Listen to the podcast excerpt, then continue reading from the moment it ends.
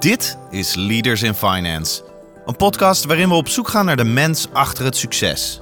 We praten met leiders van nu en later over hun drijfveren, carrière en privéleven. Waarom? Omdat er meer gesproken moet worden in de financiële sector. We willen de partners van deze podcast hartelijk bedanken voor hun steun. Dat zijn Kayak, EY, Otjes Berndsen Executive Search en Roland Berger. Je host is Jeroen Broekema. Welkom bij een nieuwe aflevering van Leaders in Finance. Deze aflevering is onderdeel van een tweetal extra afleveringen waarin ik met volksvertegenwoordigers bespreek hoe zij naar de financiële sector kijken. Vandaag de gast is Ilko Heijnen, Kamerlid voor de VVD. Welkom Ilko. Dank u wel. Leuk dat je er, eh, dat je er bent. En eh, we hebben afgesproken dat je en jij mag zeggen. Dank daarvoor. Ik zal jou kort introduceren. na zijn bachelor Algemene Economie behaalde hij twee masters in internationale betrekkingen en macro-economie aan de Universiteit van Amsterdam. Na zijn studies was hij van 2007 tot 2011 beleidsmedewerker bij het ministerie van Financiën en vervulde vervolgens functies als senior beleidsmedewerker Financiën, hoofdbeleid en politiek secretaris voor de Tweede Kamerfractie van de VVD. Inmiddels is hij al bijna twee jaar lid van de Tweede Kamer. In zijn portefeuille zitten onder andere de Rijksbegroting, financiële markten, het Europees en internationaal monetair beleid, macro-economisch beleid en Europees economisch beleid. Ilko zet zich in voor een sterke economie die werkt voor mensen, voor de mensen. Hij woont in Den Haag, is getrouwd en heeft twee kinderen.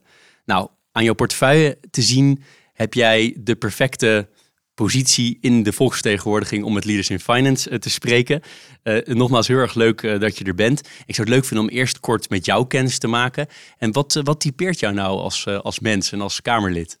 Als mens is natuurlijk wel een hele filosofische vraag. Maar misschien als, als Kamerlid denk ik dat ik voornamelijk gedreven ben door de inhoud.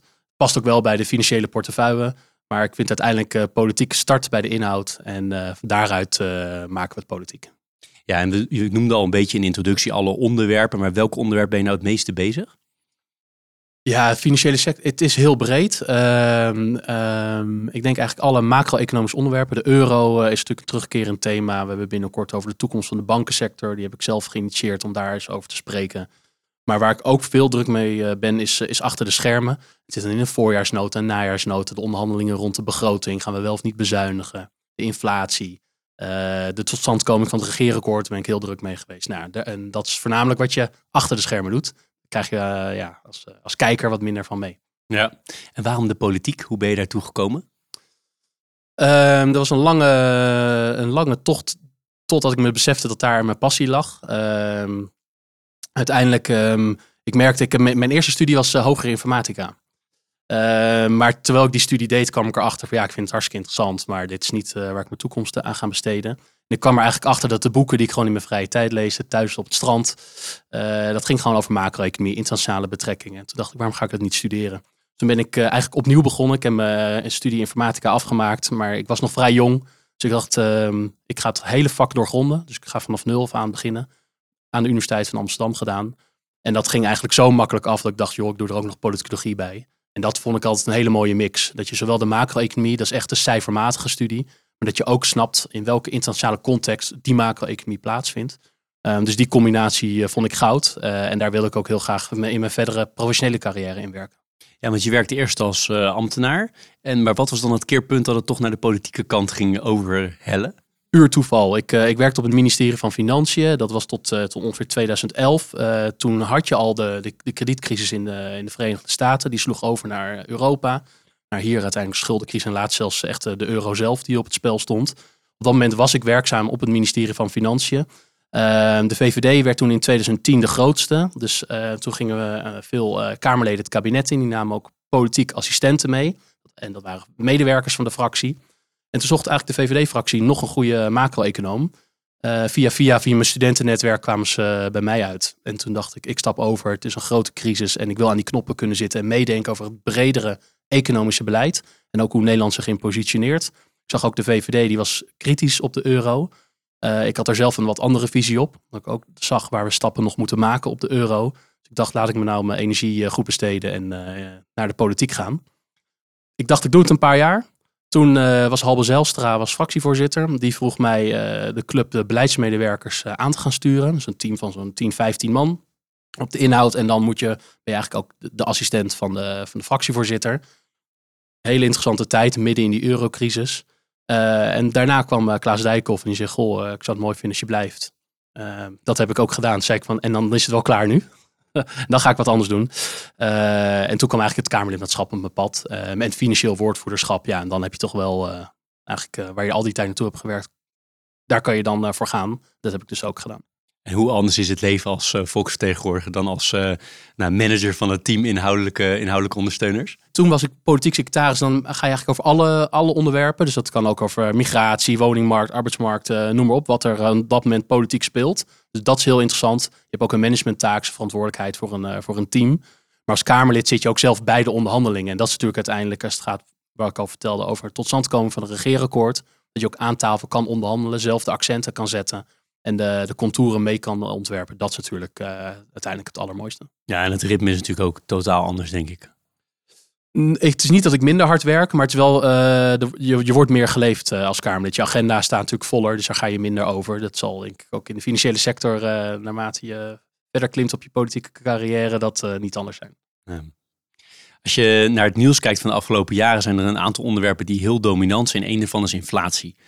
Is dat iets waar jij je heel erg zorgen over hebt gemaakt, slash nog heel erg maakt?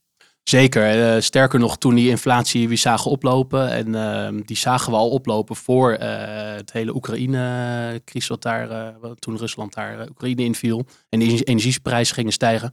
Toen zag je eigenlijk al de, de inflatie oplopen. Toen was in het debat in de financiële sector en ook onder economen en in de politiek. Is het nou iets tijdelijks? Gaat het weer weg? Of is het iets permanents? En uh, de algemene deler was wel, het is iets tijdelijks. En ik zat echt op een andere lijn. Omdat je vaak ziet als die inflatie oploopt, het is zo snel kan dat zich verbreden in een economie. Dan zie je een kerninflatie oplopen, leidt weer tot hogere loonontwikkeling. En voor je het weet zit je in een loonprijsspiraal. Ik heb me daar altijd heel veel zorgen over gemaakt. Ik heb me ook uh, vaak politiek geuit op dat punt. Uh, ik vond dat centrale banken, die vooral in Europa veel te laat hebben ingegrepen. Dat is niet dat de schuld allemaal bij centrale banken ligt. Dat is echt veel te eenvoudig oorzaak van inflatie zat in schaarste na de coronacrisis. Zat in die stijgende energieprijzen. Maar ook een eigenlijk een te hoge vraag voor het aanbod. Daar heeft natuurlijk het monetaire beleid uh, invloed op. En die centrale banken hebben natuurlijk ook lang zaten op de lijn. Het is iets tijdelijks, transitory en uh, we hoeven niet in te grijpen. Ook vanuit de gedachte, als we te hard ingrijpen, hebben we misschien weer een euro-crisisprobleem. Dat afbouwen van die enorme schuld opkopen heeft natuurlijk ook gevolgen voor, voor lidstaten. Ik zat daar echt op de lijn, grijp nou snel in en hard.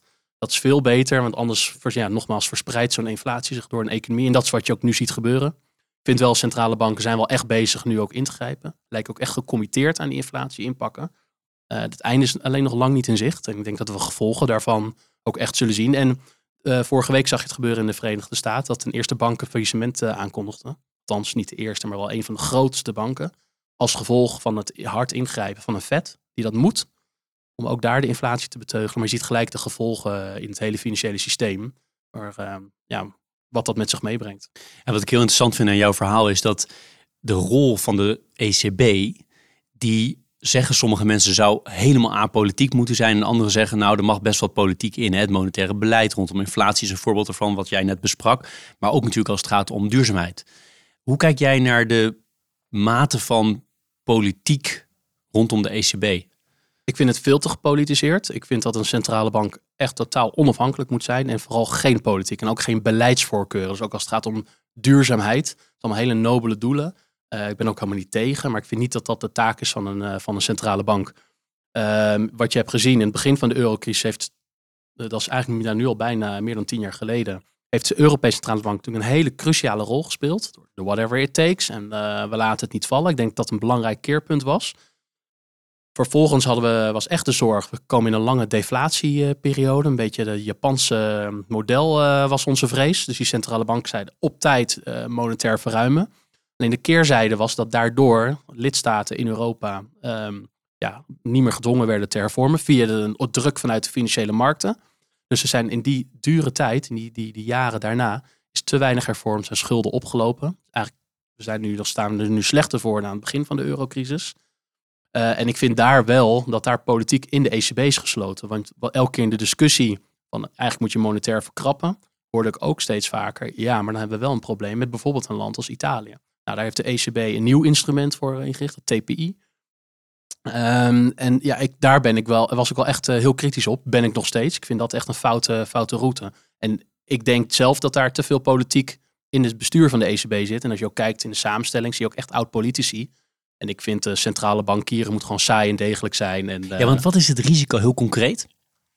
Het risico is dat wij ehm, uiteindelijk, waarin ik geloof dat een euro alleen kan werken, is als de lidstaten competitief zijn en hervormen. En, en hervormen hoeft niet altijd bezuinigen te zijn. Het kan ook gewoon zijn je economie hervormen. Dus vooral in zuidelijke landen of veel beschermde economieën. Het zit gewoon in mededingingswetgeving, dat soort zaken. En uh, de enige manier dat die landen hervormen, ja, je kan van het model zijn, je moet meer een federaal Europa. Dan ga je dus vanuit, er is een soort van regering en die kan ingrijpen. Ik ben niet van dat model. Je kan ook zeggen, nee, we zorgen dat lidstaten zelf de prikkel hebben om te hervormen. Dat moet toch echt komen uit de financiële markten. En als een centrale bank een te grote rol daarin neemt en zegt, ik koop die schulden op, dan verlaag je de druk, verlaag je de prikkel om te hervormen. Nou, dat is wat je nu ook ziet gebeuren. Schuldposities zijn gestegen, hervormingen zijn uitgesteld. Ehm, ja, en dan leidt het uiteindelijk toe dat een economie minder competitief is, minder groeit. Ja, en dan is het lastig uit die problemen te komen. Want hoge schulden, je kan, je kan er komen die verlagen door te bezuinigen, maar je kan ook door meer te groeien. Voor beide zijn hervormingen nodig. En dat als dat. Uh, en het grootste risico dat ik zie is dat je die prikkel om te hervormen nu uit de eurozone haalt. En dat we dus dan een, uh, ja, eigenlijk een eurozone worden met lage groei, net te hoge inflatie. En uiteindelijk gewoon de welvaart van ons continent uh, daarmee tekort doen. Ja, en wat natuurlijk lastig is van waar ligt het mandaat? Hè? Het is natuurlijk iets minder duidelijk dan in, bijvoorbeeld in de Verenigde Staten. Ik sprak een tijdje geleden Frank Elderson van de Europese Centrale Bank, bestuurder daar. En toen stelde ik ook een vergelijkbare vraag. Van wat is nou politiek en wat hoort nog bij de ECB? En toen ging het over duurzaamheid, natuurlijk een belangrijk onderwerp voor hem. En hij zegt van ja, weet je, uiteindelijk gaat het erom, die banken, als die dat nu niet doen, dan komen zij in gevaar. Dat is dan het mandaat. Hè? Op basis daarvan moeten wij ingrijpen. Kijk jij daar naar? Ik vind dat uh, een echte oprekking van het, uh, van het mandaat. Uh, ik snap de analyse. Alleen als je, als je dit soort analyses gaat maken, dan ken ik er ook nog wel een paar. Uh, en dan zit elk risico's uiteindelijk. Uh, dan kan je uiteindelijk zeggen, de dijken in Nederland moeten hoger, want als er uh, het water stijgt, een huis komen onder water staan, dan de hele de assets van het financiële bedrijf, van financiële sector komt onder druk te staan. Ja, moet, gaat dan de centrale bank over hoe hoog onze dijken zijn. Dus uiteindelijk vind ik een centrale bank heeft maar één mandaat, prijsstabiliteit. Denk ook een deel het managen van de economie als geheel. Dus het kan best zijn dat je zegt als er een recessie aandreigt te komen, dat je monetair verruimt. En in een hoogconjunctuur dat je monetair verkrapt. Dat hoort er ook bij. Maar daar moet het wel echt bij blijven. De Fed heeft al een breder mandaat. Die zegt ook, moet ook sturen op werkloosheid. Die discussie zie je ook in Europa. Maar dat zit niet in het mandaat van de ECB. Uiteindelijk is het aan de rechter natuurlijk om te bepalen, wordt een mandaat opgerekt? Uh, maar de, het Hof van Justitie die zei ook, ja, eigenlijk voelen wij ons niet uh, de juiste partij om daarover te oordelen. Wat ze er in feite hebben gezegd, dat de centrale bank het eigen mandaat ehm, kan uh, definiëren. En dat vind ik echt uh, geen goed pad. Dus daarom voer ik die discussie hier ook politiek. Is een moeilijke discussie. Ja, is het lastig? Is er draagvlak voor dit standpunt uh, in Nederland en breder in Europa? Nou, het is dubbel. We voelen allemaal ongemak bij deze discussie, want het Nederland is ook van de traditie. Centrale banken zijn onafhankelijk. Dus ik ga niet over hoe hoog de rente is en of een bepaald beleidsinstrument wel of niet goed wordt ingezet. Dat is aan de experts, de monetaire autoriteit. Maar als ik hem heel gekscherend door zou trekken, dan zou je ook kunnen zeggen als centrale bank. We zien de energieprijs stijgen. Dat komt door een conflict of een oorlog in Oekraïne. De enige manier om die prijsstabiliteit te doen is dat de ECB een kernwapen krijgt. Want dan kunnen we het eh, conflict beslechten en dan kunnen de prijs naar beneden. Dan zullen we met z'n allen tegen elkaar zeggen, ja, maar daar ligt je mandaat niet. Dus ergens zit wel een, rol, een rol, van politici, vind ik, van volksvertegenwoordigers, om te aan te geven, ja, tot hier reikt het mandaat en niet verder. Als de, en als de, uh, de juristen zeggen, wij gaan er niet over, dan vind ik dat we dat fundamentele debat moeten voeren. Tegelijkertijd een verdragswijziging in Europa, dat is natuurlijk een heilloze weg. Maar wat ik me kan voorstellen, wat het lastige hier is volgens mij als politicus, maar dat is mijn, uh, mijn idee daarbij, is dat er zijn twee dingen. Vind je dat iets wel of niet bij het mandaat hoort? Gewoon bijna theoretisch. Hè? Dit is waarom we deze institutie uh, ooit zijn gestart. Versus uh, wat ze nu eigenlijk doen, daar kan ik inhoudelijk wel mee eens zijn. Maar ik vind eigenlijk nog steeds dat het niet bij hun, bij hun mandaat hoort. En dat gaat volgens mij hier door elkaar heen spelen. Van wat vind ik ervan wat ze doen? Ja, als ze dan ook nog iets doen waar ik het niet mee eens ben, dan is het nog makkelijker om er tegen te zijn. Maar als ze iets doen waar ik het wel mee eens ben, maar ik vind dat het niet binnen het mandaat hoort, ja, dan wordt het natuurlijk wel moeilijk. Ja, en, en precies deze troebelheid zie ik in de discussie. Want op zich, de, koer, de koers die ze verlegt, vinden we allemaal belangrijk. De duurzaamheid, we zien allemaal de risico's, we vinden het belangrijk. Maar daarom noem ik ook altijd gekscherend het, het, het kernwapenargument. Want dat, direct voel je dat in je onderbuik zeggen, nou, dit is bespottelijk, dit is belachelijk. Dus ergens zit dus wel blijkbaar een, een oordeel over een mandaat. Nou, en ik vind wel dat uh, ook uh, politici daar een, een C in hebben. Tegelijkertijd, Er zijn ook heel veel politici die zeggen nee, ze moet juist meer doen en meer werkloosheid. Dus als je aan zo'n verdragswijziging begint, het zal nooit uh, op de manier wijzigen, eindigen zoals ik dat wil. Dus dan kan je maar beter bij het huidige mandaat houden. Maar wel de druk blijven opvoeren. Dus dat is iets wat ik met de minister van Financiën bespreek. Zorg nou dat je in de eurogroep, waar ook het bestuur van de ECB aanschuift, zorg nou dat je die discussie met elkaar aangaat. En dan mag het dus ook de ECB zijn die landen aanspreekt en zegt: jongens, wij worden in een rol gedwongen omdat jullie als politici niet handelen. En ik vind dat dat dialoog best mag plaatsvinden. Um, en dan zeg, ga je dus niet over hoe hoog de rente is, want dat is echt niet aan politici. Maar dat dialoog tussen centrale banken en overheden, die juich ik heel erg toe. Dit is Leaders in Finance met Jeroen Broekema.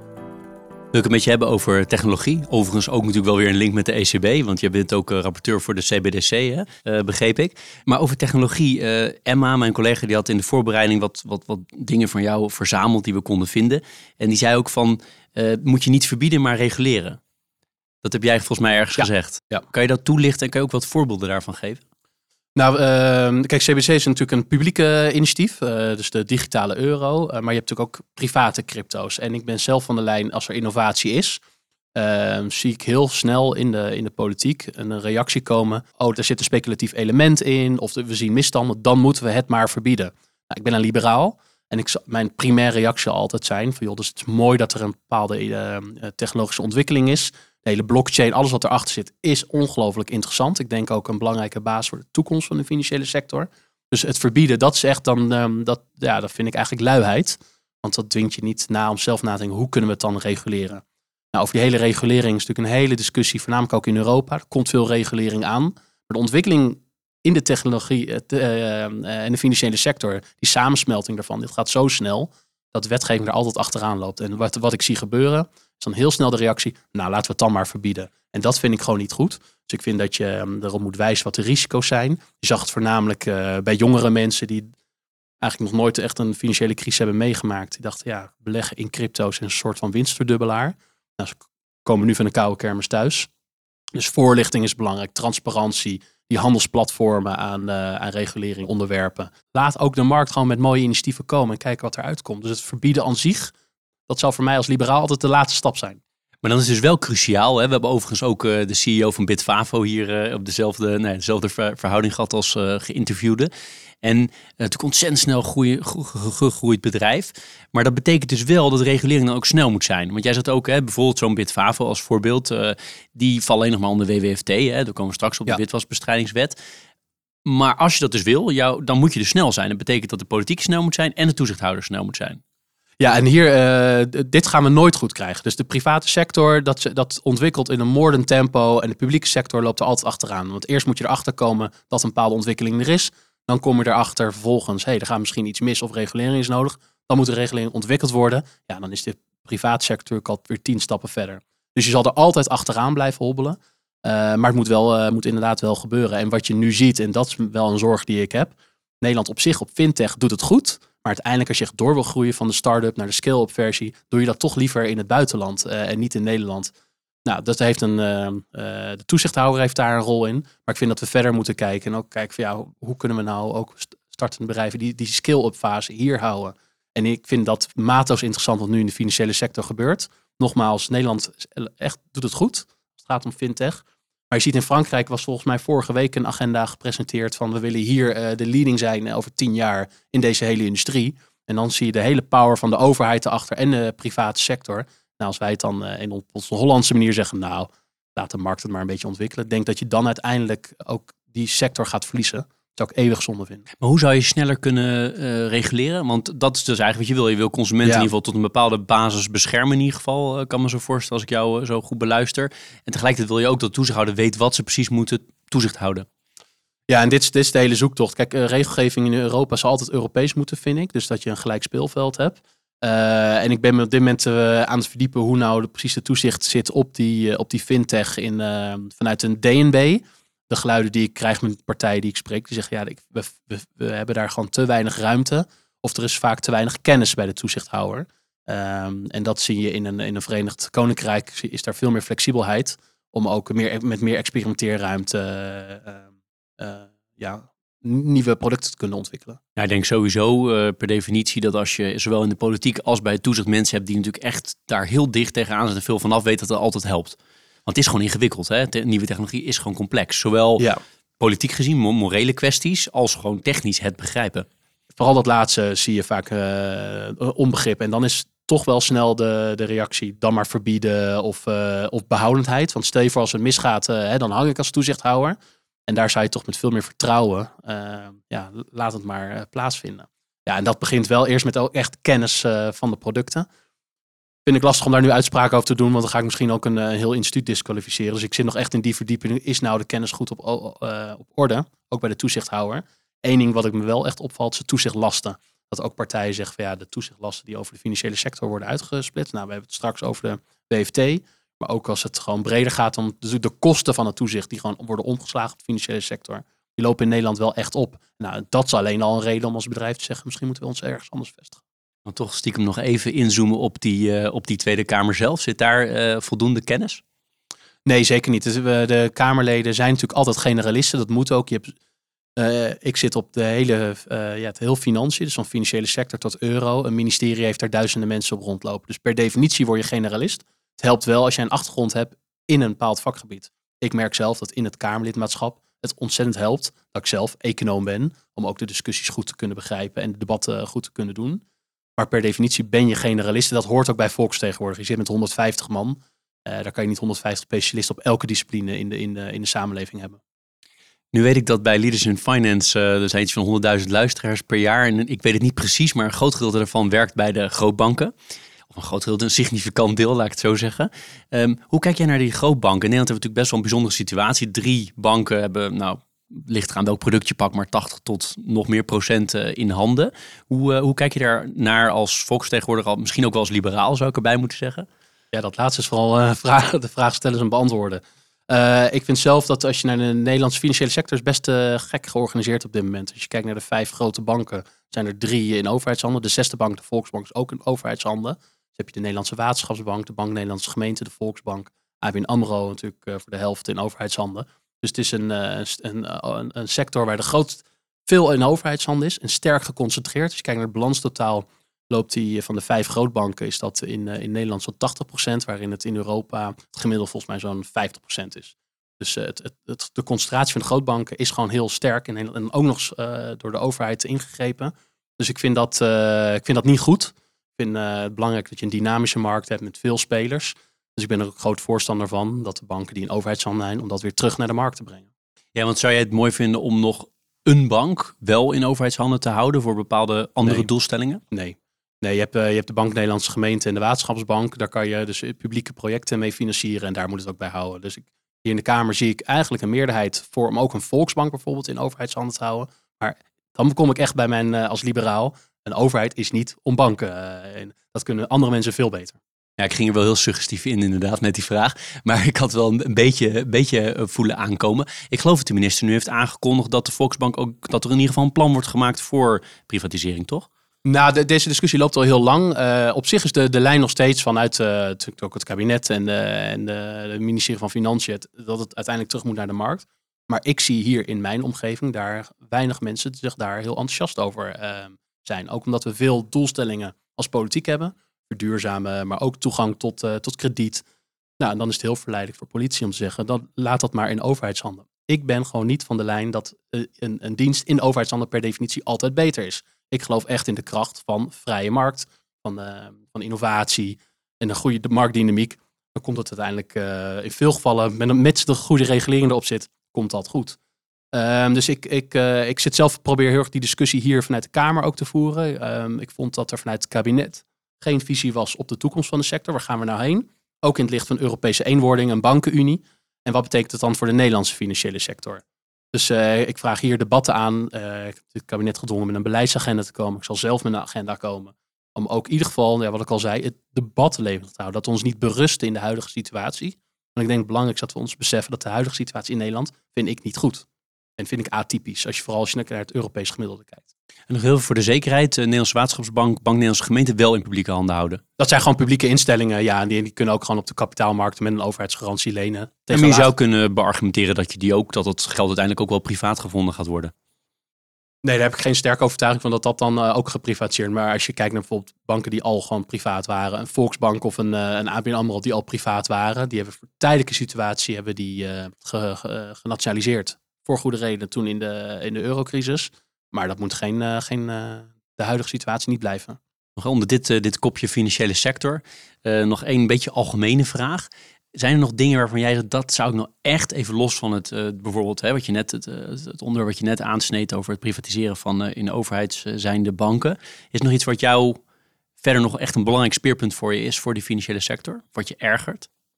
nou, waar ik me als, als, als, als Kamerlid erg natuurlijk aan alles. Um, nee, waar ik me voornamelijk, nou, waar we eigenlijk dit gesprek al een paar keer op terug zijn gekomen. Vanuit de gedachte dat alles altijd vanuit de overheid geïnitieerd moet worden.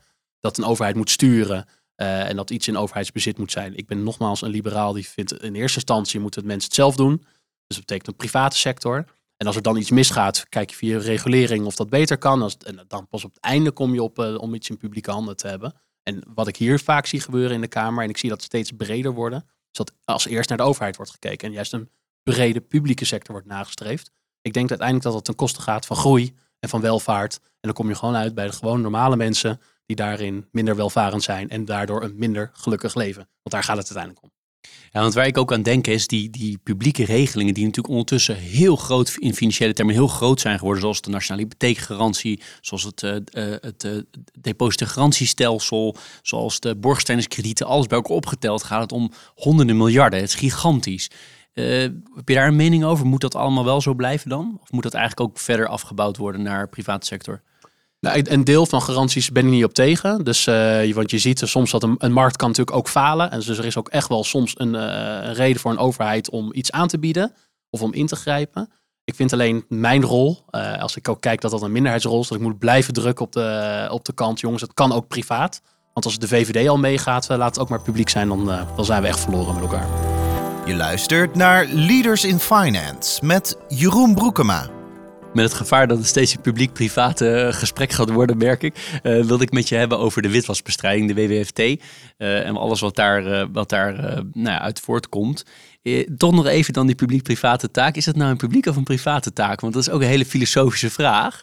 Maar heel lastig. De een gaat over in de ander. Hè? Dus ik vind op zich het, het monitoren van de, van de data. De data zit bij de banken. Dus die, die kunnen dat monitoren. Nou, we moeten het zo wel hebben, hoe, uh, zo hebben over hoe effectief dat nou gaat. Daar valt natuurlijk nog een wereld te winnen. Maar op zich, de data zit bij de klanten, zit bij de banken, de klantendata. Zij moeten aangeven, joh, we zien hier iets opmerkelijks gebeuren. Maar het is dan volgens aan het eh, FIU en het OM om te kijken, is het ook verdacht en past het in misschien onderzoeken die al, uh, al lopen. En dat vind ik echt een publieke taak. Maar de, signalering en het monitoren, dat vind ik niet heel gek dat dat uh, gewoon bij de private sector zelf zit. Helder, want kijk, uh, wij doen vanuit Leaders Finance veel op dit witwasbestrijdingsgebied. En wat wij natuurlijk gewoon feitelijk zien is dat er 12.000 plus mensen in die financiële sector, met name bij die, die drie grootbanken waar we het eerder over hadden, zitten dat er circa, de schattingen zijn zo'n anderhalf miljard aan wordt besteed, serieus geld. Um, is dat dan ook de bedoeling? Nee, ik vind dit echt krankzinnig. Uh, ik denk dat we hier totaal aan het doorslaan zijn. vanuit de banken, zij kunnen niet anders. zij moeten ook alles gaan doen want uh, als je ook maar iets mist, dan uh, krijg je natuurlijk hoge boetes. Ik vind op zich ook niet gek dat er boetes worden uitgedeeld als taken worden verzuimd. Maar ik denk wel dat we aan het doorschieten zijn. En je moet je afvragen als je zoveel duizenden mensen en zoveel miljarden investeert. Als je kijkt wat het oplevert. Volgens mij, uh, we, we, hebben dan 1,8% van het crimineel vermogen kunnen we maar hebben in beeld en kunnen we pakken. Ja, dan zijn we gewoon niet efficiënt bezig. en uiteindelijk worden die kosten worden wel gemaakt door een bank en moeten doorvertaald worden weer naar gewone klanten en naar de samenleving als geheel. Dus het is niet dat, dit, uh, ja, dat die kosten zomaar weg zijn.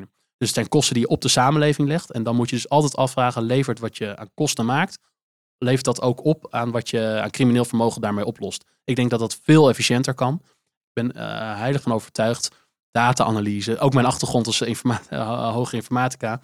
Maar uh, data-analyse is belangrijk. Het koppelen van data is ongelooflijk belangrijk. Dus dat die monitoring gezamenlijk plaatsvindt zeer belangrijk. Ja, en nogmaals, het moet uh, geautomatiseerd. En je zal altijd een, een, zal een groot deel zijn, wat ook per persoon, we moeten kijken, uiteindelijk moeten mensen te kunnen beoordelen. Maar ik denk, uh, ik, overigens zie ik, ik vind zelf dat we aan het doorstaan zijn, maar ik zie zelf dat de, uh, de toezichthouder dit nu ook ziet. En ook zegt, moeten we niet meer veel meer naar een risicogebaseerde aanpak? want ja, waar eindigt dit? Ja, dat is dat rapport van herstel naar balans vanuit, vanuit de DNB. En wat ik heel interessant vind is als je mensen bij banken spreekt, eigenlijk is er wel unanieme consensus dat er wel iets moest veranderen. Dus het was te makkelijk hè, om te witwassen via het Nederlands financiële uh, stelsel. Dus dat er iets moest gebeuren, daar is iedereen het wel over eens. En nu is dat op het punt gekomen met die aantallen die ik noemde, waarvan, waarvan jij zegt, nou ja, dat is belachelijk. En tegelijkertijd worden er ook bestuurders persoonlijk aangepakt. Hoe kijk je daarnaar? Ja, ik vind dat wel heftig uh, in alle eerlijkheid. Kijk, als je, als je echt verzaakt hè, en uh, dan, dan kan ik nog best een hele, discussie met je aangaan. in hoeverre is dat de verantwoordelijkheid ook van een bestuur? Ik vind alleen, als je met twee handen op de rug strijdt. Dus wij zeggen, je hebt een taak. Je, je zal moeten monitoren en, en ook aangeven als er iets misgaat. Maar de, de, de middelen om die strijd aan te gaan, die geef ik je niet. Dan vind ik het een unfaire strijd. Dus daarom vind ik dat we, vind ik die nieuwe wet uh, waarin we gezamenlijk monitor, gaan monitoren. Dat je ook met elkaar met zwarte lijsten kan werken, data kan delen. Dan wordt het tenminste een strijd die je ook kan voeren met elkaar. Maar nogmaals, uh, als ik je een arena instuur met je handen gebonden op de rug. Ja, hoe ben jij dan persoonlijk als je dan een uh, klap ontvangt? Dus ik vind dat we daar ook wel, um, als we die weg opgaan met elkaar, persoonlijke aansprakelijkheid, dan ook met alle middelen om die strijd aan te gaan. Ja, want wat je nu ziet is dat het wel ongelooflijk hoog op de agenda is gekomen overal. Ik bedoel, evident. Zelfs zijn er headhunters die zeggen het is moeilijk om nog mensen te vinden. Ik weet niet of dat waar is hoor. Ik heb er ook helemaal geen mening over. Maar het heeft wel er in ieder geval voor één ding gezorgd. Het staat heel hoog op de agenda van het bestuur van elke financiële instelling in Nederland. Dat is op zich goed, want er moest ook echt wat gebeuren, zoals je al eh, terecht aangaf. En personeel vinden is nu eh, voor elk bedrijf uh, lastig. Maar uh, nou, wat je al omschreef, duizenden mensen die nu op, op die sector zitten. Ja, ik vind dat. Uh, dan moet je ook als politiek achter de oren krabben van jongens, werkt de wet nog wel voor, uh, voor al die bedrijven? Je zei eigenlijk al met zoveel woorden dat je voorstander bent van transactiemonitoring Nederland, ja. TMNL. Ja. Even niet letterlijk zei het, maar daar kwam het eigenlijk wel op neer volgens mij. Ben jij bezorgd over de mensen die zeggen de privacy komt hier wel heel dicht bij in het geding? Kijk, ik vind als, als volksvertegenwoordiger moet je altijd naar dit aspect kijken. Want als je um, een politieke discussies kan je niet alleen uit termen van efficiëntie voeren. Je moet altijd kijken naar maatschappelijke impact. Ook zaken als privacy, morele zaken moet je meewegen. Dat is, dat is ons, echt ons vak uh, om dat te doen. Dus ik vind goed dat die discussie gevoerd wordt. Je moet altijd bij een nieuwe wet met monitoring, moet je heel pittig met elkaar discussiëren. Uh, wat betekent dit voor de privacy? Wat ik alleen zag gebeuren, we hebben als Kamer ronde tafels georganiseerd met experts. Vanuit zowel hoogleraren als de sector, als heel breed werd gezegd, dit kan. Dit is ook goed gewaarborgd. Als het gaat om die data die wordt gemonitord. De beveiliging van de data, de anonimisering van de data. Um, dat zit echt goed in elkaar. En als er dan toch uh, een, uh, ja, een, een, beeld wordt opgeroepen dat we hier een soort van uh, observatiemechanisme aan het bouwen zijn, die iedereen alles hebben, elke pin, pak je kauwgom wat je koopt in een database belandt, dan vind ik dat niet fair. Dan, uh, dan, dan zijn we hier uh, de, de zaken anders aan het voorspiegelen dan ze werkelijkheid zijn. En dat vind ik eeuwig zonde, omdat ik denk dat deze wet zo belangrijk is om uiteindelijk het doel crimineel geld op te pakken. Want er is ook wel wat aan de hand, uh, vooral ook als je kijkt in Nederland. Witwassen van crimineel geld, terrorismefinanciering. We moeten dat echt beter in beeld hebben. Dat kan soms gepaard gaan met een beetje inleveren van privacy. De vraag is alleen met hoeveel. En dat is het politieke debat. Ik vind zelf dat we daar nog beste uh, stappen kunnen zetten om meer data te delen, betere monitoring. Betekent niet dat je privacy zomaar te grabbel moet gooien. Er is één onderwerp wat ik persoonlijk altijd super interessant vind rondom de hele witwas aanpak en dat is cashgeld. Want als ik met mensen van DNB spreek, die zeggen, nou het is een backup systeem. He, jij bent, uh, hebt een technische achtergrond, maar als alles down gaat, dan kunnen we in ieder geval verder draaien op, eh, op een manier. Uh, en men zegt altijd, er zijn grote groepen in de samenleving. En laatst weer een rapport van de Nederlandse Bank dat meer dan 2 miljoen mensen niet goed, goed, kunnen internetbankieren. Dus als je cash nu afschaft, ja, die weten niet hoe het moet pinnen, hoe dat allemaal werkt. Dus het is voor kwetsbare groepen belangrijk en backup systeem. Dan zeg ik altijd, ja, dat snap ik. En tegelijkertijd denk ik van, als je kijkt naar hoeveel cash, met name de grote biljetten, gebruikt wordt in het illegale circuit, dan moeten we daar toch ook iets mee, even als stelling. Ik vind dat twee verschillende discussies. Uh, allereerst backup systeem. Ik vraag altijd iedereen, hoeveel cash heb je eigenlijk in je portemonnee zitten? Volgens mij is die tegenwoordig leeg. Ik zie iedereen alleen maar met die, die kaarthouders uh, lopen. Dus uh, de vraag... Ja, geeft je wel een bepaalde omgeving misschien. Dat, dat is wel waar, want je zegt terecht, er zijn natuurlijk ook kwetsbare mensen, ouderen, die maken natuurlijk veel meer gebruik van cashgeld. Dus het cashgeld moet er ook altijd blijven. Het is ook niet dat we dat zelf uitfaseren. Je ziet alleen de samenleving die digitaliseert. Dus de maatschappelijke preferenties veranderen. En je ziet dat het voor financiële instellingen duur is om die uh, systemen overeind te houden. Dus daar hebben we ook een maatschappelijk uh, overleg betalingsverkeer voor. Van het moet toegankelijk blijven. eh, het cashgeld, maar ook banken moeten aangeven. Ja, luister, het kost ons ook geld. Dus we hebben ook vanuit de overheid daar, daar hulp bij nodig. Nou, dat is de hele dialoog die plaatsvindt. Ik vind anders als het gaat om cashgeld in het kader van witwassen. Daar hebben we natuurlijk al eerder de hoge biljetten afgeschaft. Zet je met kleinere betalingen. Um, overigens, digitaal, de crypto, waar we deze podcast mee begonnen, vindt natuurlijk ook ontzettend veel illegale betalingen plaats. Dus het is niet zo dat met cash Alleen dat met cash plaatsvindt. Dat gebeurt dus ook in de digitale wereld. Ja, dat is wel interessant. Hè? We hadden vorig jaar een, eh, een, een journalist eh, uit het Verenigd Koninkrijk. het uh, eerste plaatje van zijn presentatie was dat de digitale betalingen alleen maar omhoog gaan. Hè? Dat er steeds meer digitaal betaald wordt. En tegelijkertijd dat het cash ook alleen maar toenam. En zeker de grote biljetten. En dat, dat vind ik toch wel wonderlijk hoor. Ja, inderdaad, dat is wonderlijk. Ik heb de laatste keer dat cash betaalde, was wel heel lang geleden. Dus als je echt stapels papier, ja, dat, het is uh, verkiezingstijd. Uh, allereerste vraag, is dit uh, voor jou ook echt verkiezingstijd? Want het is in principe de Provinciale Staten, het is indirect de Eerste Kamer. Is het voor jou ook verkiezingstijd of niet? Nee, ja, kijk, als partij voer je natuurlijk gewoon campagne. de zit zit inderdaad voornamelijk in de provincies. Het heeft natuurlijk ook impact, wel politiek landelijk, omdat de Provinciale Staten weer de, de Eerste Kamer kiezen.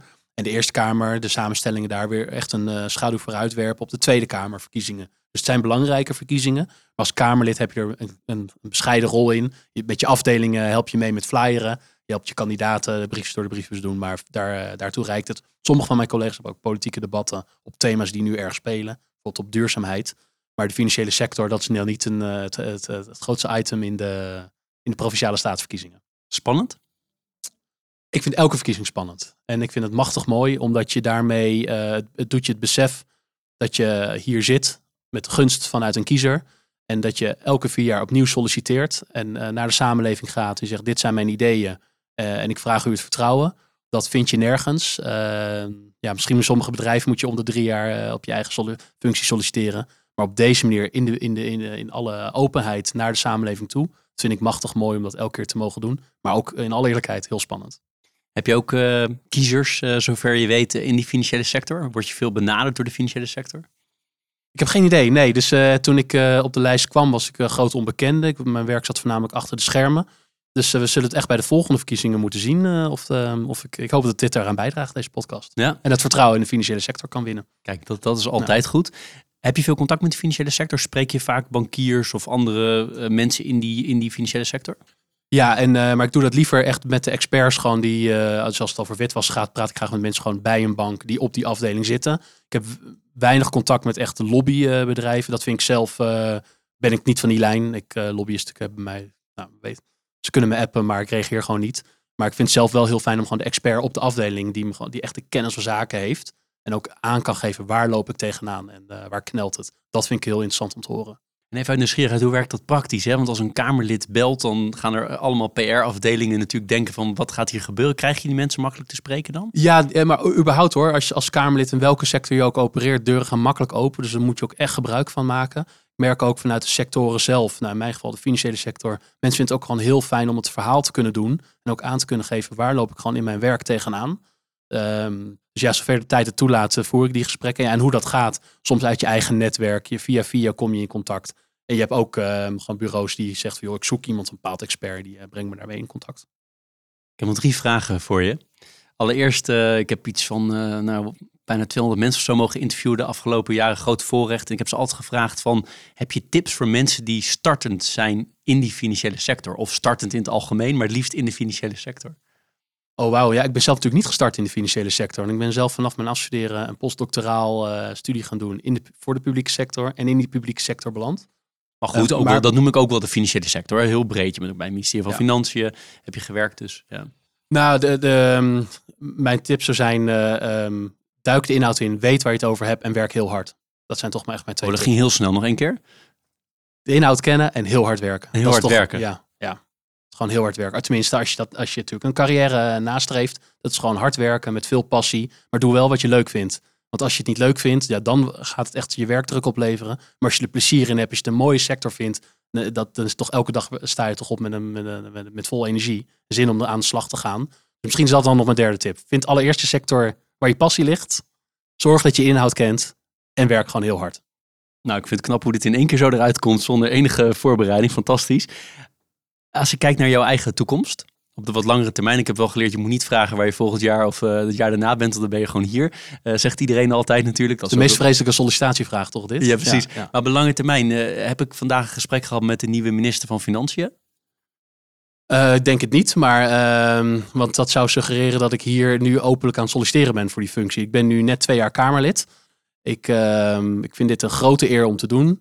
Um, het is machtig mooi om namens deze sector, waar ik echt een passie voor heb, het woord te mogen voeren. Ik hoop ook dat de sector zich daarin herkent. En ik hoop ook dit vak als, als volksvertegenwoordiger lang te mogen doen. En wat daarna de wereld brengt, dat moeten we, moeten we nog maar zien. Maar zowel publiek als privaat zou je interessant vinden? Of zeg je, nee, ik ben toch wel een, vooral een publieke man? Nee, nou, ik, ik, we begonnen de podcast een beetje hoe mijn persoonlijke carrière is uh, verlopen. Dat hing ook wel deels aan toeval aan elkaar. Zelf uh, dacht ik zelf een toekomst al te zien in de private sector dan bij bijvoorbeeld bij een economisch bureau uh, bij een bank. Dus wie weet.